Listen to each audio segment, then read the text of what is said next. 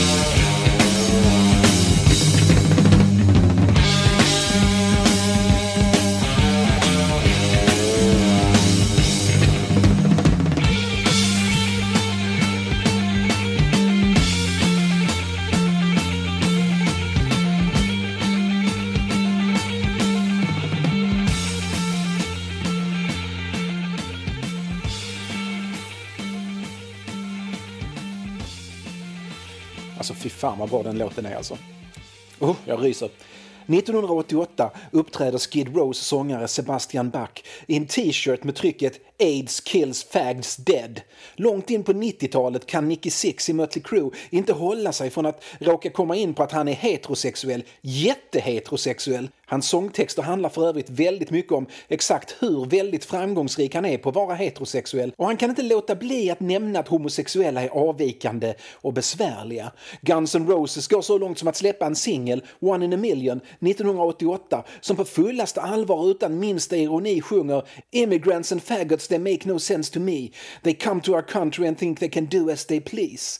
Det blir en hit. Hårdrockarna som köpte skivan hade inga problem med vare sig rasismen eller homofobin. Ozzys gamla gitarrist Zack Wild kallar fortfarande hårdrock han inte tycker om för gay och en snabb titt på nätforum för hårdrockare gör en mörkrädd för det hat mot homosexuella, främst mot homosexuella män, som flödar där. Det är egentligen anmärkningsvärt hur få öppet homosexuella hårdrocksartister det finns. Bland de stora namnen, alltså de riktigt stora som någon faktiskt hört talas om, så är det väl i princip bara Rob Halford i Judas Priest och Roddy Bottom i Faith No More som är öppet homosexuella. Det är en statistisk omöjlighet att det speglar verkligheten. Om det inte är så att hårdrock på något underligt sätt talar till det heterosexuella och därför mest lockar heterosexuella till sig. Hårdrocken har redan från start utmålats som en väldigt maskulin musikgenre. Med undantag för Robert Plant i Led Zeppelin som hela tiden använt sig av traditionellt kvinnliga och sensuella uttryck samtidigt som han i allt annat visar att det här är en snubbe som gillar kvinnor och väldigt gärna har sex med dem jätteofta så är det hård maskulinitet som gäller. Kanske lockar det heterosexuella män lite extra mycket. Kanske är det manliga män iklädda läder och kedjor som poserar med blottade muskulösa inoljade bröstkorgar som drar de heterosexuella männen till sig. Manowars skivomslag kanske bara skriker till de heterosexuella männen att kom och köp mig för här är du trygg. Hårdrockspubliken bestod ursprungligen mestadels av män och den är fortfarande hyfsat manligt dominerad. Även om 80-talets glammetall och hårmetall var crossover-succéer som även lockade kvinnor så behölls den manliga dominansen. Och hårdrock i stort är fortfarande mestadels från män för män. Alltså, det har alltid funnits kvinnor i publiken och de har alltid accepterats. Misogyni är inte en definierande aspekt av hårdrocken även om den såklart har förekommit, inte minst inom 80-talets glam metal. Egenskaper som lyfts i hårdrocken är aggressivitet, riskbeteende och maskulinitet. Och det banden sjunger om är traditionellt märkligt könlöst. Inget sex. Det är krig och drakar och satan och cowboys och indianer och Tower of Stone with a flesh and bone och fantomer på operan och svarta mässor och snabba bilar. I hårdrocken kan lyssnarna titta på skivomslag med lättklädda, läderklädda män medan de lyssnar på låtar som handlar om allt annat än sex. Man behöver inte vara bög för att lyssna på hårdrock, men om man är bög men inte vill vara bög så är det en väldigt trygg plats att vara så på. Så länge man inte bryter mot den outtalade lagen och säger något om det. Rob Halford i Judas Priest kom ut 1998 efter nästan 30 år i hårdrocksbranschen. Han hade funderat över att det nog var dags, men han bestämde sig på allvar sekunderna innan han gjorde det i direktsänd tv. Hans sexualitet var såklart känd för hans närmaste och bandet och bland homosexuella. Det skvallrades men överlag respekterades Halfords beslut att hålla det privata privat. När Judas Priest var som störst, säg 1978 till 1983, övertygade Halford sig själv om att det vore kommersiellt självmord att komma ut. Han pratade med Tom Robinson från The Tom Robinson Band om det. Robinson var väldigt öppen homosexuell. Hans näst största hit hette Glad to be gay och handlade om att det finns homofobi överallt och att homofobi faktiskt dödar. Robinson, som var mycket aktivistiskt lagd i slutet av 70-talet, trodde det skulle betyda mycket om Halford kom ut. Det skulle betyda mycket för alla homosexuella hårdrockare där ute. Men, förklarade Halford, det är stor skillnad på att vara gay i punk och new wave-kretsar. Där är det till och med modernt. Det är annat bland oss. Halford berättar att hårdrocken var den vita arbetarklassens musik och den vita arbetarklassen hade traditionella värderingar och deras uppror hade ännu inte kommit till den individuella nivån. Pratades det om förändring så handlade det om klass och inte sexualitet. Men mest ville man gå på konserter och lyssna på musik för att slippa undan verkligheten ett tag. Inte för att konfronteras med sin egen sexualitet eller sina fördomar. Sen kom aids och under aids och Thatcher var det ännu mer omöjligt att komma ut. Man riskerade avbokade spelningar. Det blev farligare att leva i England som homosexuell man. Så Halford väntade, hemlig fast ändå inte hemlig.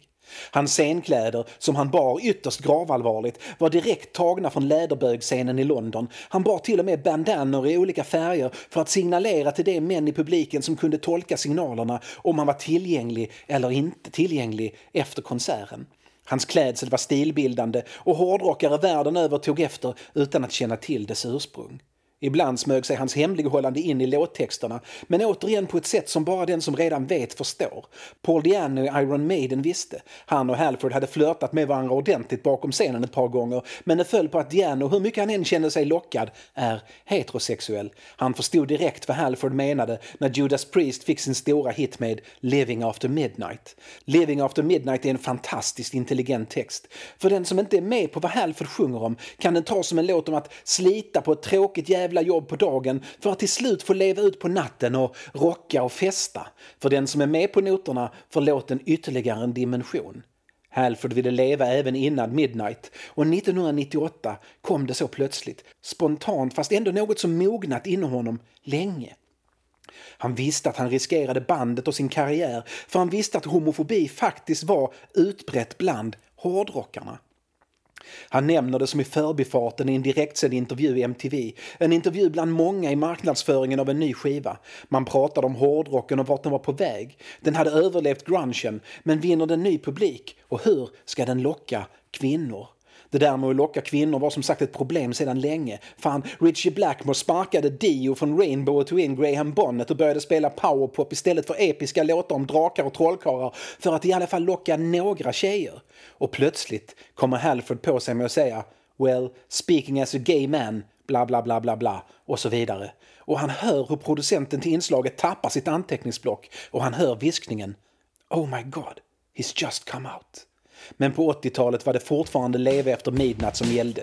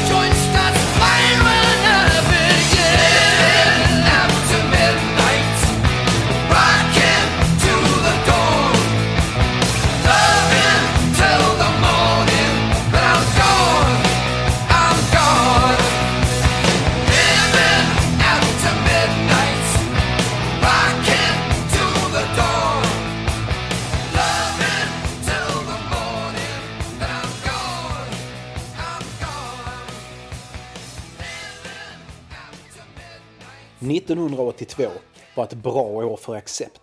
Deras Restless and Wild sålde bra och de hade hittat sin musikaliska grundtanke. 1975 när de bildade bandet var idén mest att låta som Deep Purple. När det blev dags att spela in debutskivan 1979 hade de kompletterat med att de också ville låta som AC/DC, vilket skulle bli ännu lättare 1980 när AC/DC sångare Bon Scott dog och ersattes av Brian Johnson. Johnsons röst och Accepts Udo Dirk Schneiders röster påminde om varandra. På Restless and Wild lade de också till Judas Priest som en viktig influens. Skivan sålde massor i Europa och privatimporterades flitigt till USA där deras Fast as a Shark skulle kopieras från kassettband till kassettband för att till slut finnas i varenda hårdrockares hem i hela Kalifornien och den är inte alls en oviktig del i vad som fick thrash metal att uppstå där borta. Accept ville såklart mer. De ville fylla arenor och förändra världen, säga någonting viktigt och sälja massvis med skivor. Hur skulle det gå till? Tysk hårdrock var inte direkt en stor exportvara. Scorpion sålde förvisso en del utomlands, men det var allt. Accept hade nyligen skaffat sig en ny manager, Gabby Hauke. Senare gifter hon sig med gitarristen och Accepts informella ledare Wolf Hoffman och blir Gabby Hoffman. Hauke har ingen direkt bakgrund inom musikbranschen men hon har studerat mode och konstvetenskap och har total koll på det bildmässiga och hon har också ett öra för bra melodier. Under pseudonymen Deffy skriver hon en sångtext på Restless and Wild, vilket bandet uppskattar väldigt mycket för de känner sig själva osäkra på engelska och Udo Dirkschneider känner att han inte riktigt kan skriva enhetligt. Hon skriver under pseudonym för att hon vill att all uppmärksamhet ska gå till bandet. Bland det första hon gör är att styla dem, ge dem en enhetlig klädsel. Hauke hade bott i London och umgåtts med delar av London Leathermen, en av de första S&M och läderbögklubbarna som var helt öppna med vad de var i Storbritannien och fascinerad av hur männen där kunde klä sig uniformt men ändå personligt. Så hon slänger på Accept svart läder, inte lika i ögonfallande läderbögigt som Rob Halfords klädsel, men ändå svart läder. Udo vill inte. Han har inget emot läder, men han känner sig inte bekväm i det. Ingen fara, säger Hauke och plockar fram kläder från någon annan fetisch istället. Så accept är nu fyra män i svart läder, ofta fotograferade med uppknäppta västar som man ser deras nakna, dock inte inoljade bröst, och en kort snubbe i snaggat hår och militärkläder. En fulländad och jordnära image. Hauke ser till att bandet får gott om tid att skriva låtar innan de går in i studion, som hon för övrigt får skivbolaget att gå med på att ge Accept fyra veckor i. Oerhört lång tid på den här tiden för ett band med popmusikmässigt fortfarande rätt blygsamma försäljningssiffror. Bandet vill ha ett gemensamt tema på låtarna. Skivan ska handla om individuell frihet, om förtryckta minoriteter som slår sig fria. De vill säga bryt de band och bojor som vill binda dig till alla. Inte partipolitik, inte ekonomisk politik, men en skiva som visar att det även i den fria delen av världen finns människor som lever i kedjor. De ber Hauke skriva alla sångtexterna på den nya skivan och det gör hon. Hon tycker idén till albumet är lysande och hon ser möjligheter att bli omskrivna och att faktiskt visa hårdrocksgemenskapen att man inte behöver vara fördomsfull. Hon är provocerad av homofobin inom hårdrocken och nu har hon chansen att provocera tillbaka. De skapar sig en liten låtskrivarfabrik Hoffman och Herman Frank, gitarristerna, skriver tillsammans med basisten Peter Baltes musiken. Sen kallar de in Dirk Schneider för godkännande och sen hittar oftast Baltes eller Hoffman på en sångmelodi som de spelar in med nonsensord. Sen ger de inspelningen till Hauke som skriver en text till melodin varefter Dirk Schneider anpassar den efter sin röst. Det här är såklart ganska ovanligt, att en sångare liksom lämnar ifrån sig orden till någon annan. Men Dirk Schneider kommer med idéer och är nöjd med upplägget. Och han sjunger med inlevelse och känner att han kan stå för varenda ord. Väl i studion är idén att allt ska låta lite rakare och enklare än på Restless and Wild, fast mer.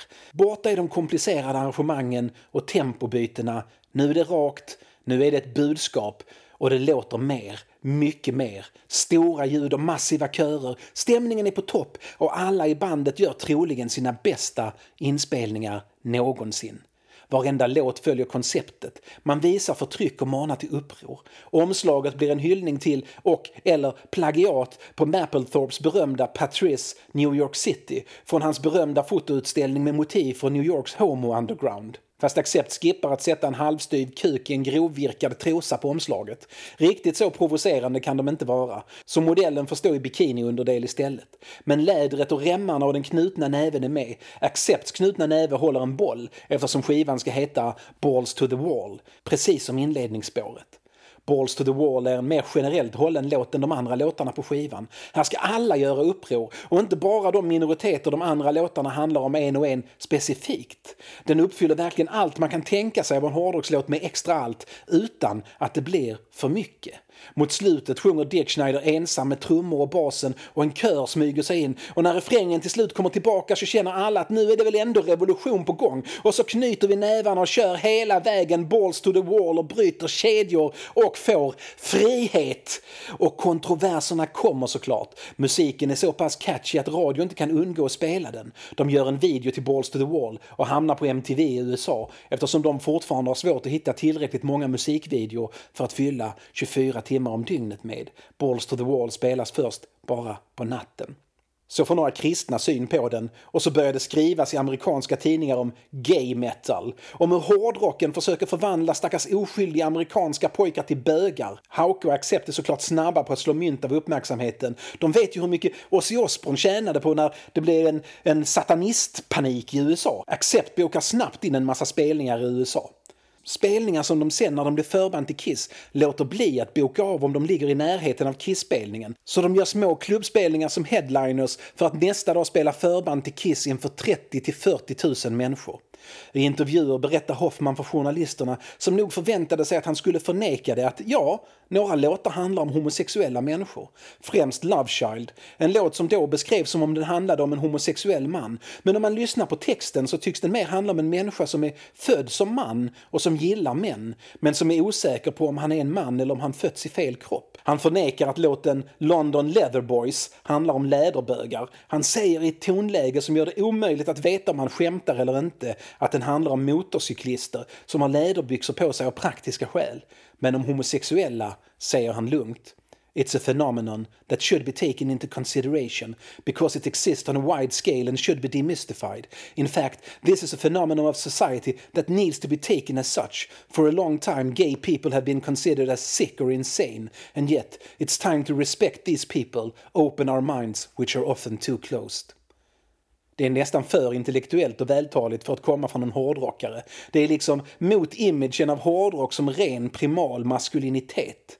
Gabby Hauke får också frågor och hennes svar är helt briljant för hon vet exakt vad hon säger. Jag ska svara på din fråga och den fråga jag vet du kommer ställa sen. Jag har alltid varit en rebell och jag skulle aldrig, aldrig skriva något normalt eller utslätat. Aldrig.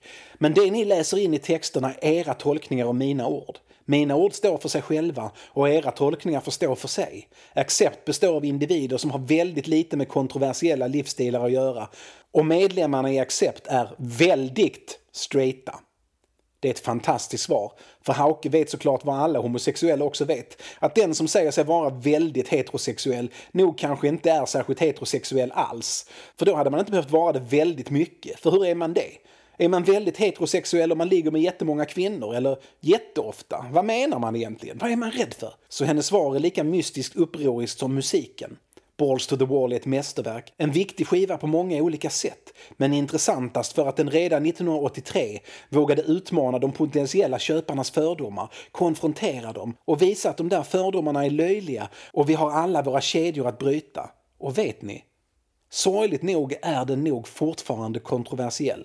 Och sorgligt nog flyger poängen fortfarande över väldigt många hårdrockares huvuden.